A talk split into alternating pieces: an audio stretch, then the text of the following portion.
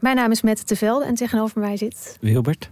En ik heb vrij veel last gehad van neerslachtigheid, eigenlijk nog steeds wel in het leven. En depressies. En volgens mij gaan we dat proberen op te lossen. We gaan jou redden. En de rest van de mensen. En de toch? rest van de mensen. Ja. Wie redt Wilbert? Dat is de vraag. Wie helpt hem bij de kwesties en problemen van vandaag? Luister naar Wie redt Wilbert en de rest van de mensheid. Een podcast van de VPRO voor NPO Luister. Kijk, de Jordaan. Daar ben ik geboren en getogen. De nieuwe Nederlandse musical Onze Jordaan van Diederik Ebbingen is dit najaar in de theaters te zien. Koop nu uw kaarten op onzejordaan.nl. Hallo, dit is de wekelijkse podcast van de Groene Amsterdammer en ik ben Kees van der Bos.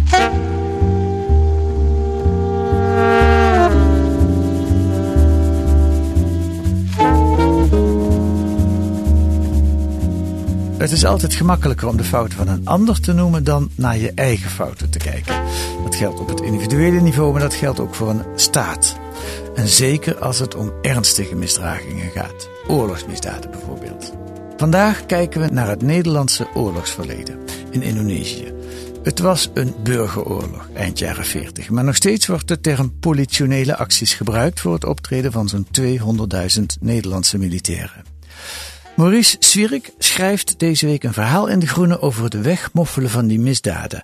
Of van de bestraffing van die misdaden.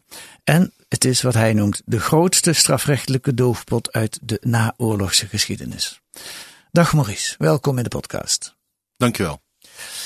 Uh, eerst even kennis maken met jou. Maurice Zwierik, dat is een naam die uh, uit die Frans klinkt. Klopt dat? Dat klopt. Uh, vertel, je bent geboren als Fransman?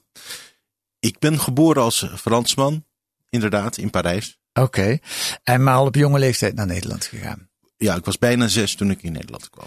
En je hebt een verleden als uh, jurist. Je bent zelfs docent geweest aan de Universiteit van Leiden. Je bent advocaat geweest. Ja. Maar dat was het niet voor jou. Nou, um, het is meer dat, dat, dat, dat het levenspad loopt uh, zoals het loopt. En uh, ik ook weer hele andere fantastische dingen kon gaan doen. Dus. Oké. Okay. Maar ja, hoe, hoe ben je journalist geworden?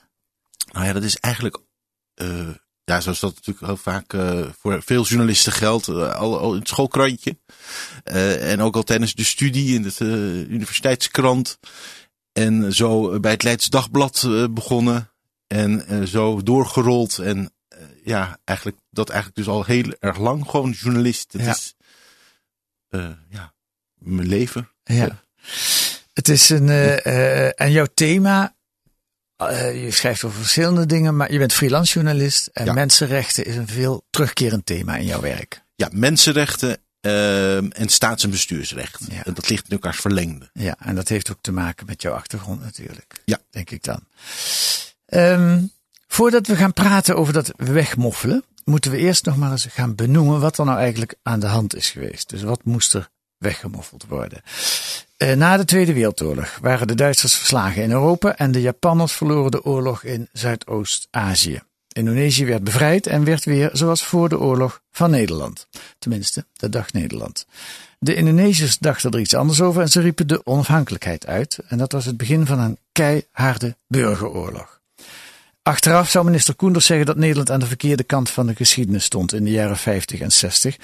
Sorry? Dat was Ben Bot. Oh, ik dacht, maar ik heb het ook Koenders horen zeggen. Heeft Koenders het ook gezegd? Ja. Oh, dan, sorry, dat, heeft, dat, dat is dat heel goed van hem. Ja. Ben, maar Ben Bot heeft Ja. het ook gezegd. Ja. Dat we aan de verkeerde kant van de geschiedenis stonden. Ehm, wat, wat weet jij van die oorlog in Indonesië?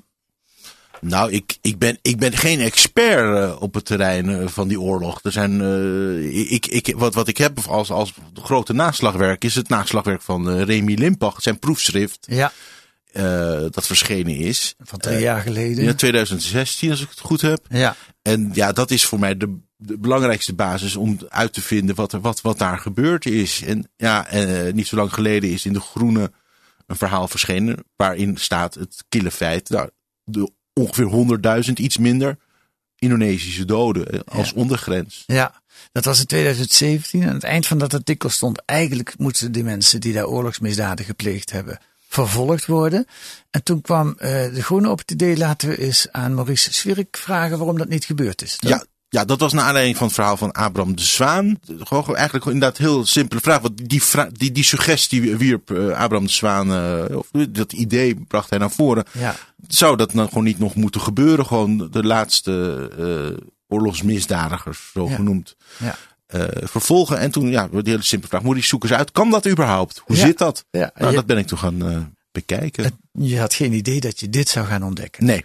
Laten we eerst even kijken wat er gebeurd is. Er zijn daar oorlogsmisdaden gepleegd, zeggen we nu. Maar in de jaren 50 en 60 waren de Nederlandse Indiëgangers waren helden. De eerste kras op dat eh, eh, beeld werd in 1969 toen een spraakmakende uitzending van de VARA actualiteitsrubriek Achter het Nieuws. En daarin sprak Joop Huting, Indië-veteraan, en die schokte het land met zijn uitspraken.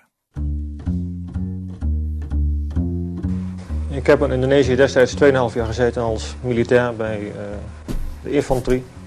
Onder andere bij de inlichtingendienst. En ik heb daar eh, meegedaan aan oorlogsmisdaden. Ik heb ze zien verrichten. En om daar een paar voorbeelden van te geven, kan ik u vermelden dat er kampongs doorzeefd werden, eh, waarvan de militaire noodzakelijkheid niemand destijds inzag. Dat er verhoren plaatsvonden waarbij eh, op een afschuwelijke manier gemarteld werd waarvan ook de militaire noodzaak moeilijk uh, aan te tonen zal zijn. Na het slaan en het trappen uh, werd ook wel de veldtelefoon gebruikt, waarbij dus de draadjes verbonden werden aan de geslachtsdelen. Waarbij een stroompje werd opgewekt door aan de veldtelefoon te draaien. Dat is een klassieke methode schijnt het te zijn. Waarbij de mensen dus uh, krimpend van de pijn en urine laten lopen. Dat er wraakacties gehouden werden, waarvan even even minder militaire noodzaak uh, in te zien was. Uh, bijvoorbeeld om u te vertellen, uh, we kregen krijgsgevangenen en die krijgsgevangenen werden meerdere malen neergeschoten. Waarbij dan de kreet was, ga jij maar pissen. Waarop de mensen zich omdraaiden en in de rug neergeschoten werden. Waren dat incidentele gevallen of zegt u dat heb ik vaak meegemaakt? Dat waren geen incidentele gevallen, dat was de normale gang van zaken. Er ging een schok door Nederland na dit interview. Um, maar de regering slaagde erin om het toch als incidenten af te doen, hè? Uh, hoe ging dat? Ja, dat is met, met door middel van, in een razend tempo is toen uh, een ambtelijke commissie samengesteld. Die in razend tempo uh, een onderzoek moest doen. En die kwam met een, een rapport uiteindelijk waarin werd gezegd, ja, er zijn inderdaad wel wat dingen gebeurd. Met de benaming excessen. Maar met als eindconclusie over het algemeen, en nu parafraseer ik, heeft het Nederlandse militaire apparaat zich correct gedragen. Ja, de excessennota. Kees Vasseur was de, de leider ja. van die ambtelijke werkgroepen. En het, het woord zegt het al, het waren excessen, het waren voorvallen. Dat gebeurt in een ja. oorlog, dat kan gebeuren. Als geheel heeft de krijgsmacht zich correct gedragen, schrijft toenmalig premier De Jong in 1969. En dat is tot vandaag het officiële regeringsstandpunt. Hè? Ja. ja. Hoe erg het misging, blijkt uit de geschiedenis van het dorp Rawagede. Spreek ik dat goed uit eigenlijk? Rawagede? Rawagede, geloof ik. Rawagede. Maar... Daar waren de Nederlanders op zoek naar guerrillaleider Lucas Custario. En ze moorden er een heel dorp uit. 1995, dus dat is weer 25 jaar na 1969, 26 jaar om precies te zijn, maakte Alfred Edelstein voor RTL een tv-documentaire en sprak oud-dorpelingen uh, die de moorden beschrijven. En ook Custario zelf kwam aan het woord. En omdat de Hollanders zich meer moeilijke uh, dingen ontmoeten tegenover de guerrilla, hebben ze rakeloos deze Ravagade bezet. Om, met de bedoeling dat ik daar zat en overgeven aan de Hollandse, regie, aan de Hollandse leger. Opnieuw commotie in Nederland, opnieuw een incident. Zo werd het afgedaan. Uh, wel een incident waar in 2013 de Nederlandse ambassadeur zijn excuses voor aangeboden heeft en erkend incident. Maar de echte doorbraak kwam pas drie jaar later. Jij noemde het al, uh, Maurice, bij het verschijnen van het proefschrift van de historicus Remy Limpach. De brandende kampongs van generaal Spoor. U hoort Limpach in een uitzending van Eén Vandaag uit 2016. Misdaden zoals moord, marteling, brandstichting, plundering en dergelijke. Oorlogsmisdaden? Ja, en dat gebeurde op grote schaal. Limpach kwam erachter dat militairen van hoog tot laag erbij betrokken waren en dat het bestuur en ook justitie in de kolonie het geweld oogluikend toestonden. Dan moet u in eerste instantie aan generaal-gouverneur Van Mook denken, die net als de procureur-generaal Velderhof op gerechtelijk gebied zich soms verontwaardigd toonde, maar nauwelijks ingreep. En deels uh, wegkeken of het geweld bagatelliseerde of het uh, ook legitimeerde. En zelfs het Nederlandse kabinet was op de hoogte. Zeker. Dus het Nederlandse kabinet in die tijd wist dat Nederland structureel oorlogsmisdaden pleegde in Nederlands-Indië? Ja. En dit was zo'n uitgebreid onderzoek dat eigenlijk 70 jaar heeft het geduurd, maar nu kon niemand er meer omheen.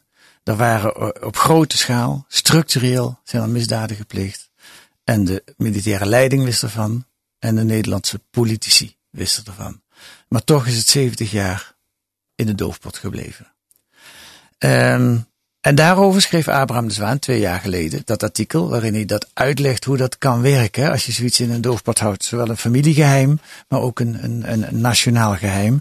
En toen kwam uh, Xandra Schutte naar jou toe en die zei, uh, Maurice, uh, zoek dat eens uit. Want Abraham de Zwaan zei aan het eind van het artikel, moeten die mensen niet die oorlogsmisdaden gepleegd hebben vervolgd worden. En jij vond dat wel een spannende vraag?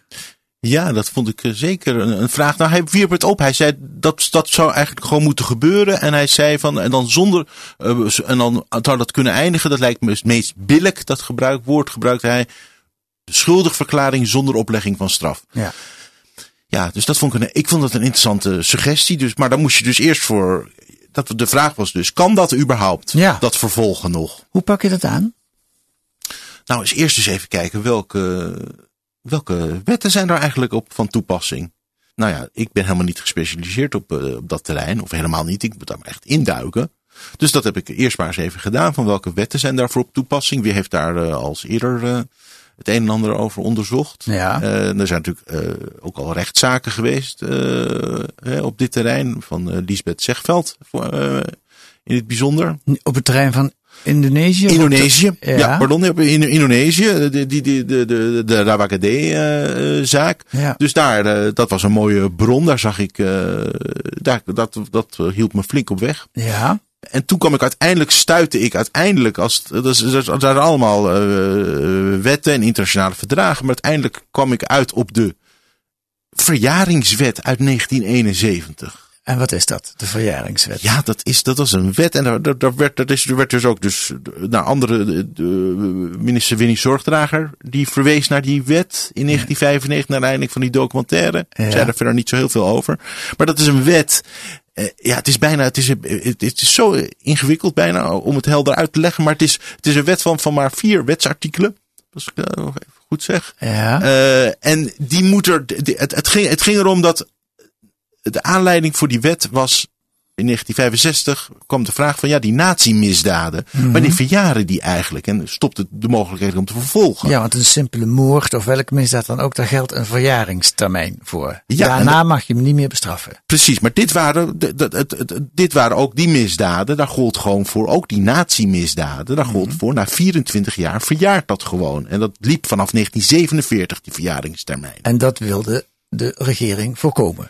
Nou, dat klinkt al iets te enthousiast. Want uit de documenten en de notities die ik heb gevonden, blijkt mij dat het enthousiasme niet super groot was. Er werd gezegd, nou ja, we, moeten, we hebben nou deze vraag van wanneer dat nou gaat gebeuren. We hopen natuurlijk dat het niet zo, dat er niet nog weer meer van die processen komen. Maar nou goed, laten we het gewoon regelen dat die misdaden niet verjaren. Ja. De, dus er kwam een verjaringswet waardoor nazi-misdaden Ah, Nu nog, tot op de dag van vandaag. Ja, ze leven niet meer, die mensen. Denk. Nee. Maar vervolgd zouden Op een kunnen enkeling worden. na leven Ja. ze niet meer. Nee. Nee. Maar ze kunnen vervolgd worden. Ze kunnen vervolgd worden. En toen dacht jij, maar dan zal dat vast ook gelden voor de oorlogsmisdaden van ons in Nederlands-Indië. Nou, het was een wets. Het ging namelijk. Het was in, voor- mede in, in precies in die periode. Waar er, was er een internationaal verdrag dat tot stand kwam. Van de VN. En die zei: oorlogsmisdrijven, oorlogsmisdaden, misdaden tegen de menselijkheid. moeten nooit meer verjaren. Ja. Nou, een heleboel landen hebben dat ondertekend. Behalve onder andere Nederland. Die zei van ja, dat vinden wij niet zo'n goed verdrag. Wij gaan dat nationaal regelen. Was dat al om onze Indonesische misdaden te Dat- verhullen? Of Dat heb ik niet hard kunnen vinden, maar alles eromheen wijst erop dat dat wel een belangrijke rol gespeeld moet hebben. Ja. Eh, in ieder geval in die verjaringswet, die is zo opgesteld dat inderdaad daarin wordt ge- eh, de, zo de wet wordt aangepast dat alle oorlogsmisdrijven in Nederland nooit meer verjaren. Ja. Maar ze hebben het door een juridische truc, door te verwijzen daarbij, eh, regelen naar een wet uit 1952, valt, vallen de Indonesische, eh, vallen de Indische oorlogsmisdaden eruit. Ja, maar dat is wat jij ontdekt hebt. Hè? Ze, ze, doen alsof alle oorlogsmisdaden niet verjaren. Maar dat hebben ze op zo'n manier gedaan. Een beetje, beetje weggemoffeld in, het, in, de, in de manier waarop besluit ook door het parlement geloodst is. Zodat mensen niet in de gaten hadden, tenminste niet iedereen in de gaten had, dat in die eh, Indonesische oorlogsmisdaden, tenminste onze oorlogsmisdaden in Indonesië, wel ineens konden verjaren. Nou, niet zozeer ineens. Het punt was dus, dus alles werd gestopt, de Ja. verjaring, Ja. behalve die van Indonesië. Die liet ze in, in alle stilte, zeiden we, die laten we verjaren. En hoe, hoe moet ik dat zien? Wat is in alle stilte? Nou ja, in alle stilte is, is dat, dat, ehm,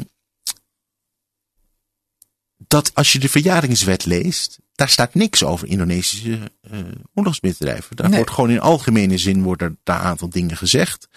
En als je dus de wet zelf, die eigenlijk bestaat eigenlijk alleen maar uit artikelen die verwijzen naar andere artikelen, daarin komt dat niet voor.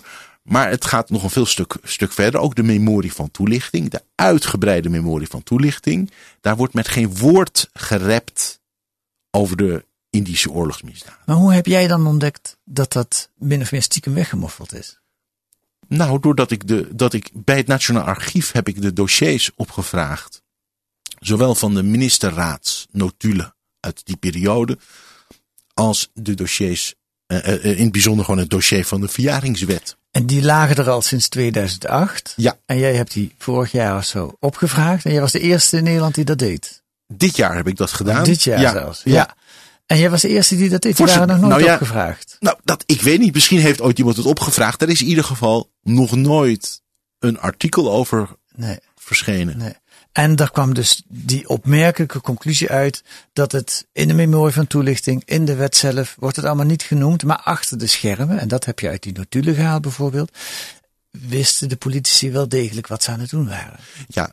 Nou, de, de- no- het, het was vooral het dossier, dat verjaringsdossier. Dat was vooral de goudmijn. Ja. Die, die notulen zijn namelijk super sumier. Want namelijk, het is namelijk een hele korte vergadering geweest over die verjaringswet. Dat was gewoon een, bijna een hamerstuk. Maar alleen dat al is natuurlijk ook al een interessant gegeven. Dat, Ja. dat het zoiets groots, Ja. zo snel en achterloos besloten wordt. Althans, wat uit de notulen blijkt. En een belangrijk stuk wat jij gevonden hebt ook is een advies over die wet wat de regering aan de Raad van State Ja, heeft gevraagd. ja, ja. Vertel daar eens over. Ja, nou dat is het. eh, ehm, eh, nou, het is ook nog belangrijk om te zeggen. Het is niet alleen dat het niet alleen niet, alleen niet in de, eh, de memorie van toelichting niet staat. Dus toelichting bij de wet. Maar ook in het hele debat in de Tweede Kamer is er ook met geen woord over gesproken. Hm. En voorafgaand daaraan is standaard advies aan de regering van de Raad van State, het hoogste adviesorgaan. In die tijd waren die adviezen nog geheim.